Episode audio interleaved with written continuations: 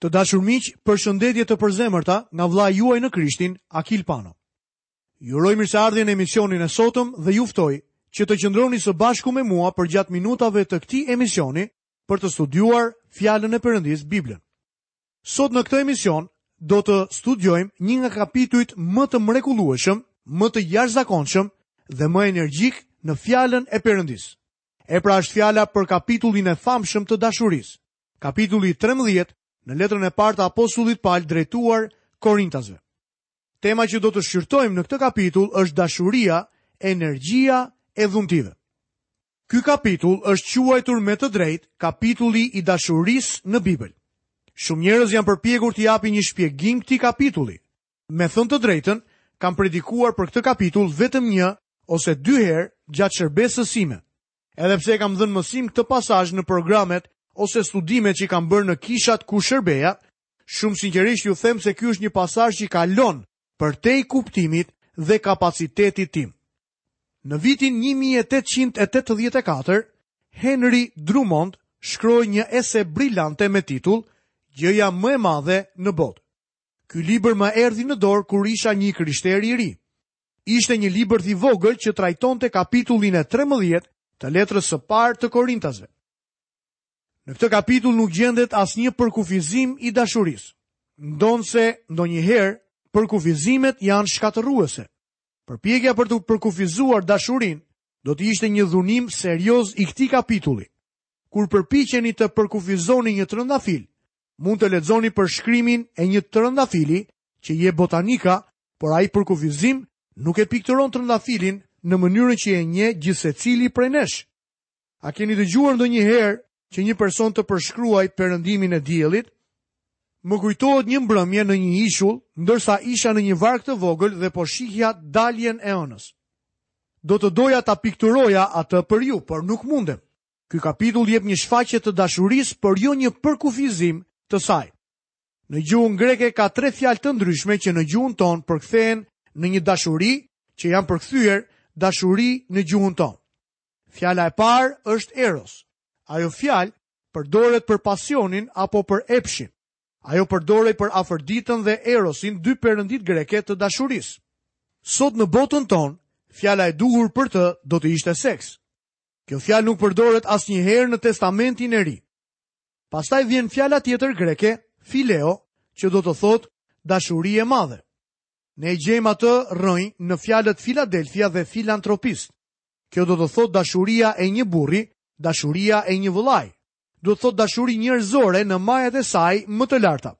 Do thotë dashuri fisnike, Fjala agape është fjala më e lartë për dashurinë në Testamentin e Ri dhe do të thotë dashuri hyjnore. Ajo është më shumë se dashuri në emocione. Është dashuri në vullnet. Është dashuri që zgjedh objektin e saj. Është një përkufizim i Perëndisë, sepse Perëndia është dashuri. Tani dua t'ju jap një skicë të këtij kapitulli. Kjo ndoshta mund të duket si dhunim i kapitullit, por këto pika, do të na ndihmojnë të kuptojmë më mirë. Nga vargu i parë deri në vargun e tretë do shohim epërsinë e dashurisë, e cila është dhe vlera e saj. Nga vargjet 4 deri 7, privilegjin e dashurisë që është virtyti i saj. Nga vargu 8 deri në 13, qëndrueshmërinë e dashurisë që është dhe fitorja e saj. Atëherë pa humbur kohë, le të nisim dhe të shohim epërsinë e dashurisë që në fakt është vlera e saj. Do të lexojmë vargun e parë në kapitullin e 13 nga letra e parë e apostullit Pal, drejtuar Korintasve. Po të flisja gjuhët e njerëzve dhe të engjëjve dhe të mos kisha dashuri, do të bëhesha si një bronz që kumbon ose si një cimbali që tingëllon. Jam i sigurt se gjuhët e engjëjve do të thotë një e folur e rrjedhshme. Nuk kam dëgjuar asnjëherë një engjëll që të flasë, por mendoj se Pali kishte dëgjuar ca. Elokuenca më e mrekullueshme pa dashuri nuk është gjë tjetër veçse një bronz që kumbon.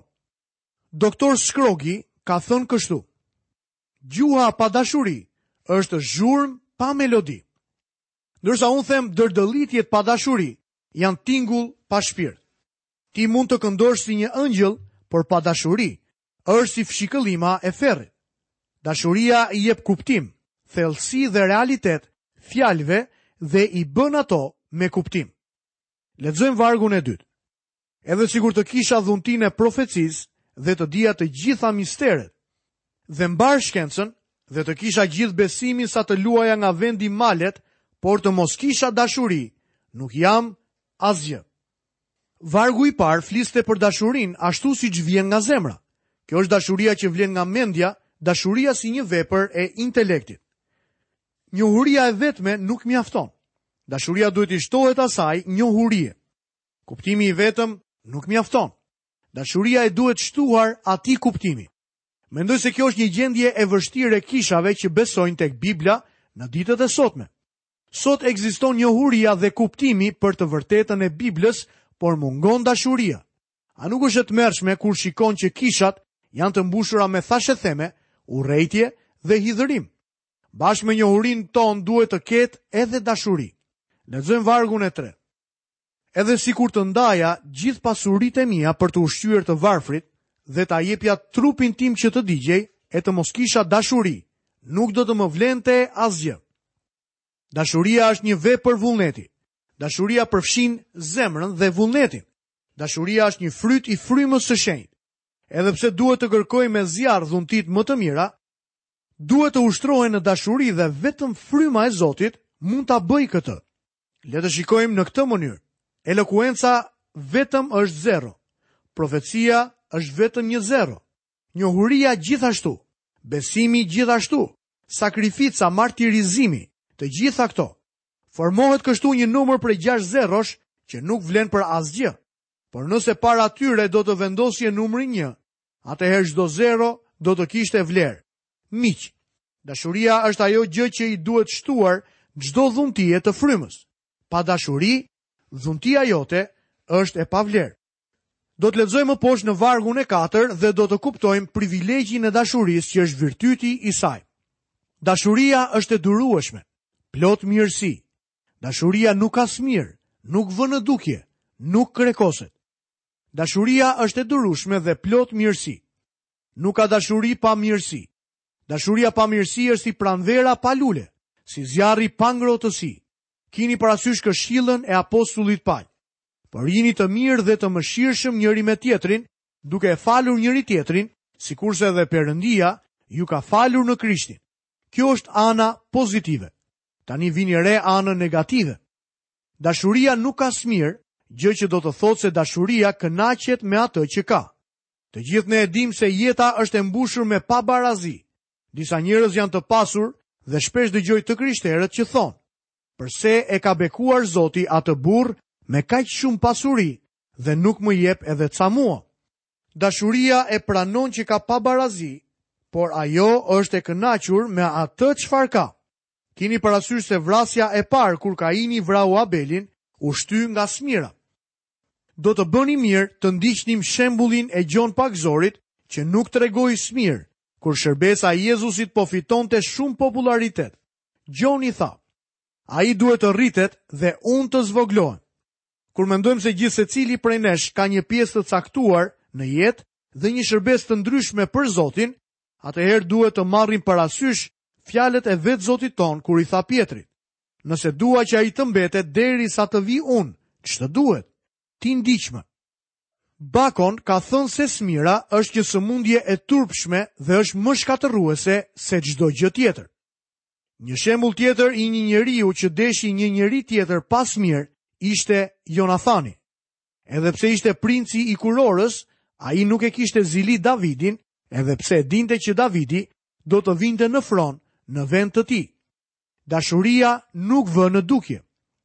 Mofit e përkthen kështu këtë frazë. Dashuria nuk bën paradë. Ajo nuk mburret apo të demonstrohet. Një predikues i ri u çua në një konferencë dhe tha: Dua që ta dini se unë nuk jam një shërbyes i trajnuar. Jam një shërbyes i paditur dhe jam krenar për këtë.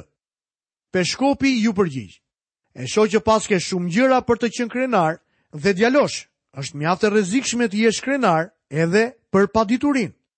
Dashuria nuk krekoset. Kjo do të thotë që ajo nuk udhëton në ajër, ajo nuk fryhet. Besoj se e dini se çfarë do të thotë të udhëtosh me një gomë të mbushur me ajër dhe krejt papritur ajo të çajë. Edhe midis të të krishterëve ka shumë çarje gomash sepse ka shumë që krekosen. Kur ajri largohet, aty nuk ngelet më asgjë. Lexojmë vargun e 5.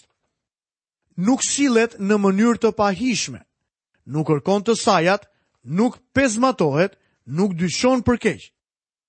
Dashuria nuk sillet në mënyrë të pahijshme. Kjo do të thotë që nuk vepron në mënyrë të veçantë. Është e vërtetë që tek letra e parë e Pjetrit, besimtarët janë quajtur njerëz të veçantë, por ata nuk duhet të sillen në këtë mënyrë. Ajo që thuhet tek Pjetri fjalë për fjalë, do të thotë një popull për veten e tij. Ne duhet të jemi të sjellshëm. Ne nuk duhet të jemi të ashpër. Nuk duhet të sillemi si njerëz të çuditshëm. Ne duhet të jemi të njerëzishëm. Fatkeqësisht, sot kisha nuk është aq e dashur, por dashuria nuk sillet në mënyrë të pahijshme. Dashuria nuk kërkon të sajën. Dashuria kërkon motivimin e veprimit dhe pyet: Përse po e bëj këtë? Kam kohë që po e hetoj zemrën time si kurrë më parë. Po hetoj motivet e zemrës time, a po e bëj këtë gjë nga dashuria për Krishtin? Kjo është shumë e rëndësishme. Dashuria është sekreti i shërbimit. Dashuria nuk pezmatohet. Ajo nuk është kurrë me humor të keq. Të pezmatohesh do të thotë të kesh vesin e të mirës. Kam frikë se ky është vesi i shumë prej nesh. Dashuria nuk dyshon për keq. Sa e trishtueshme është të shohësh njerëz të cilët kanë rënë në kurthin e thashethemeve. Ka të krishterë që qarkullojnë dhe shpërndajnë plot gjëra të ndyra. Është e tmerrshme, por ja që është e vërtetë. Lexojmë vargun e 6. Nuk gëzohet për padrejtësinë, por gëzohet me të vërtetën. Dashuria nuk gëzohet për padrejtësinë, por gëzohet me të vërtetën. Çfarë i sjell gëzim zemrës time? E mira apo e keqja? Cila? A gëzohesh kur dëgjon një gjë të keqe për dikë që është armiku yt apo që nuk e pëlqen? A trishtohesh kur e sheh armikun tënd që vuan? Lexojmë vargun e 7. I duron të gjitha, i beson të gjitha, i shpreson të gjitha, i mban çdo gjë. Dashuria i duron të gjitha. Fjala duron ka kuptimin e mbrojtjes. Dashuria vendos një çadër për të tjerët. Dashuria i beson të gjitha. Kjo nuk do të thotë që dashuria është naive dhe beson gjithçka lehtë. Kjo do të thotë që dashuria nuk i shikon njerëzit dhe gjithçka që ata bëjnë me dyshim, se mund të kenë ndonjë motiv tjetër përveç këtij. Dashuria i shpreson të gjitha. Ky është optimizmi i dashurisë. Dashuria mban çdo gjë. Dashuria mbetet e fortë edhe pas testimit. Nga e gjitha kjo, mësojmë se dashuria është një emër abstrakt, por nuk ka pse të mbetet i tillë. Ajo duhet të përkthehet në jetë dhe veprime. Ajo duhet ta shpreh veten e saj në veprime përmes durimit, mirësisë pa smirë dhe pa mburrje. Tani do të shohim qëndrueshmërinë e dashurisë dhe fitoren e saj. Lexojmë më poshtë në vargun e tetë. Dashuria nuk ligështohet kurrë, por profecitë shfuqizohen, gjuhët pushojnë dhe njohuria do të shfuqizohet. Dashuria nuk ligështohet kurrë. Ja përse në fund të kapitullit thuhet, ajo çka mbetet është besimi, shpresa dhe dashuria, por më e madhja nga të gjitha është dashuria. Dashuria mbetet, ajo është e qëndrueshme. Elisabeth Barrett Browning shkroi një poemë me titull Dikur dashuroja. Aty thuhej: Ata që ëndërronin sikur kishin dashuruar dikur, nuk dashuruan kurrë dhe dashuria shkon përtej kufijve të kohës dhe hapësirës. Dashuria e merr përjetësinë në përqafimin e saj. Dashuria është e pavdekshme, Ajo nuk dështon kurrë. Ajo nuk ligështohet dhe as zhgënjehet. Dashuria është një pasion që digjet si një fije kashte dhe konsumohet shpejt. Kjo është arsyeja pse ka kaq shumë divorce në ditët tona. Zemrat e bashkëshortëve nuk janë lidhur nga ajo lloj dashurie që mban dy zemra bashkë. Dashuria është e përjetshme. Ajo është e qëndrueshme. Dashuria e Perëndisë është e tillë. Sa e mrekullueshme që është. Dashuria e tij shkon përtej kufijve të kohës dhe hapësirës dhe merr përjetësinë në krahët e saj. Krishti nuk pushoi asnjëherë së dashuri. Ti nuk mund të bësh asgjë që ta ndalosh atë të të dojë. Asnjë mëkatar nuk ka kryer ndonjëherë ndonjë mëkat të pafalshëm. Ti ndoshta mund të mos besosh, por ai ende të do. Ndoshta mund të kesh kryer mëkatin më të madh, por Jezusi ende të do. Ti nuk mund ta ndalosh atë të të dojë. Ti mund të hapësh një çadër dhe të mbrohesh nga shiu, por nuk mund të ndalosh shiun të bjerë. Në të njëjtën mënyrë, nuk mund të ndalosh Perëndinë të të dojë ty, pavarësisht se sa e madhe është çadra e mëkatit apo e mosbesimit tënd. Është e gabuar t'u thuash fëmijëve që Zoti nuk i do. Dikur edhe unë kam qenë në shkollën e së dielës për fëmijë. Ne ishim fëmijë mjaft të mbrapshtë dhe mësuesi na thoshte shpesh se Perëndia nuk do të na donte nëse vepronim kështu gjithmonë. Shpesh mendoja, Zoti me siguri që nuk më do shumë, por kjo nuk ishte aspak e vërtetë. Ai më donte, pavarësisht gjërat e këqija që bëja. Sa e mrekullueshme është të dish që Zoti të do. Profecitë do të shfuqizohen. Kjo do të thotë që ato do të përmbushen. Ato do të kthehen në histori dhe nuk do të jenë më profeci. Gjuhët do të ndalojnë. Njohuria do të zhduket. Për shembull, Shkenca që unë kam mësuar në kolegj është disi jashtë kohe.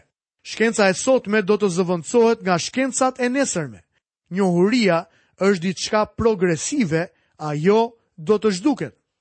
Lexojmë në vargjet 9 dhe 10. Sepse ne njohim pjesërisht dhe profetizojmë pjesërisht. Por kur të vijë përsosmëria, atëherë ajo që është e pjesshme do të shfuqizohet. Apostulli vazhdon të thotë më poshtë në vargun 11 dhe 12. Kur isha fëmijë, flisja si fëmijë, mendoja si fëmijë, arsyetoja si fëmijë. Kur u bëra burrë, i flaka gjërat fëminore. Tani në fakt ne shohim si në pasqyrë në mënyrë të errët, por atëherë do të shohim faqe për faqe. Tashti njoh pjesërisht kurse atëherë do të njoh thellë ashtu sikurse njihem. Shumë njerëz pyesin, A do t'i njoh të dashurit e mi në qiell? Sigurisht që po. Cila është prova e shkrimit? Tani ne shohim si në pasqyrë. Një pjesë e mire juaja nuk më keni parë asnjëherë. Ndoshta mund të mendoni se më keni parë, por ajo çfarë keni parë në të vërtetë, ka qenë një kostum rrobash me një kokë dhe dy duar që dilin prej tyre. Në të vërtetë nuk më keni parë. Dhe as unë nuk ju kam parë në të vërtetë, sepse ne shohim si përmes një xhami të errët. Por atëherë do të shihemi ballë për ballë. Tani njoh vetëm pjesërisht, por atëherë do të njoh, ashtu sikurse edhe njihem. Dikush e pyeti një teolog të njohur. A mendon se do t'i njohim të dashurit tanë në qiell? Ai u përgjigj si një britanik i vërtetë.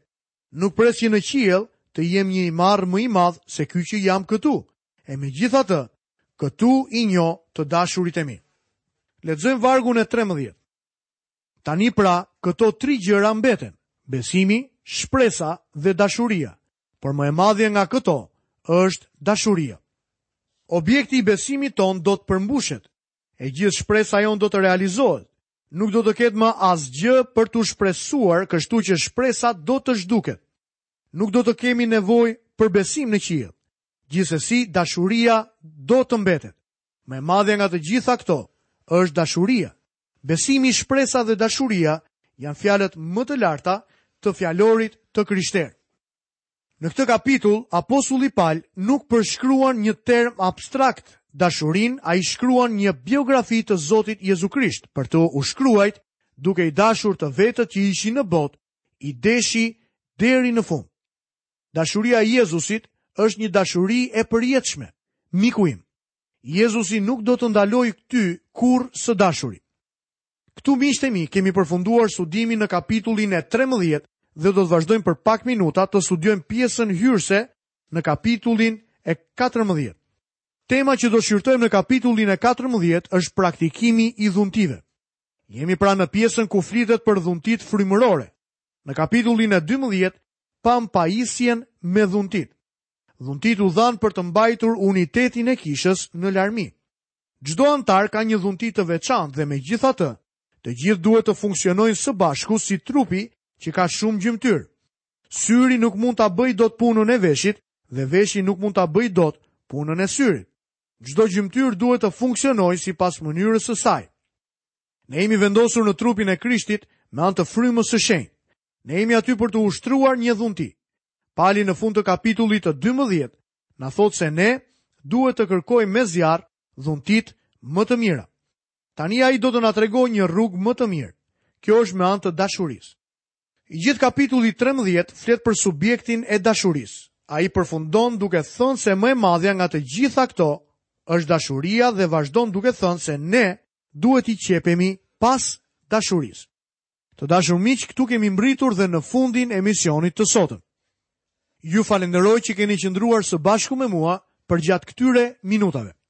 Ju kujtoj që vazhdimin në kapitullin e 14 të kësaj letre do ta rinisim në studimin e ardhshëm. Deri atëherë, nga vëllai juaj në Krishtin Akil Pano, paçi të gjitha bekimet e Perëndisë dhe paqen e tij në jetën tuaj. Bashkë mirudëgjofshim në emisionin e ardhshëm.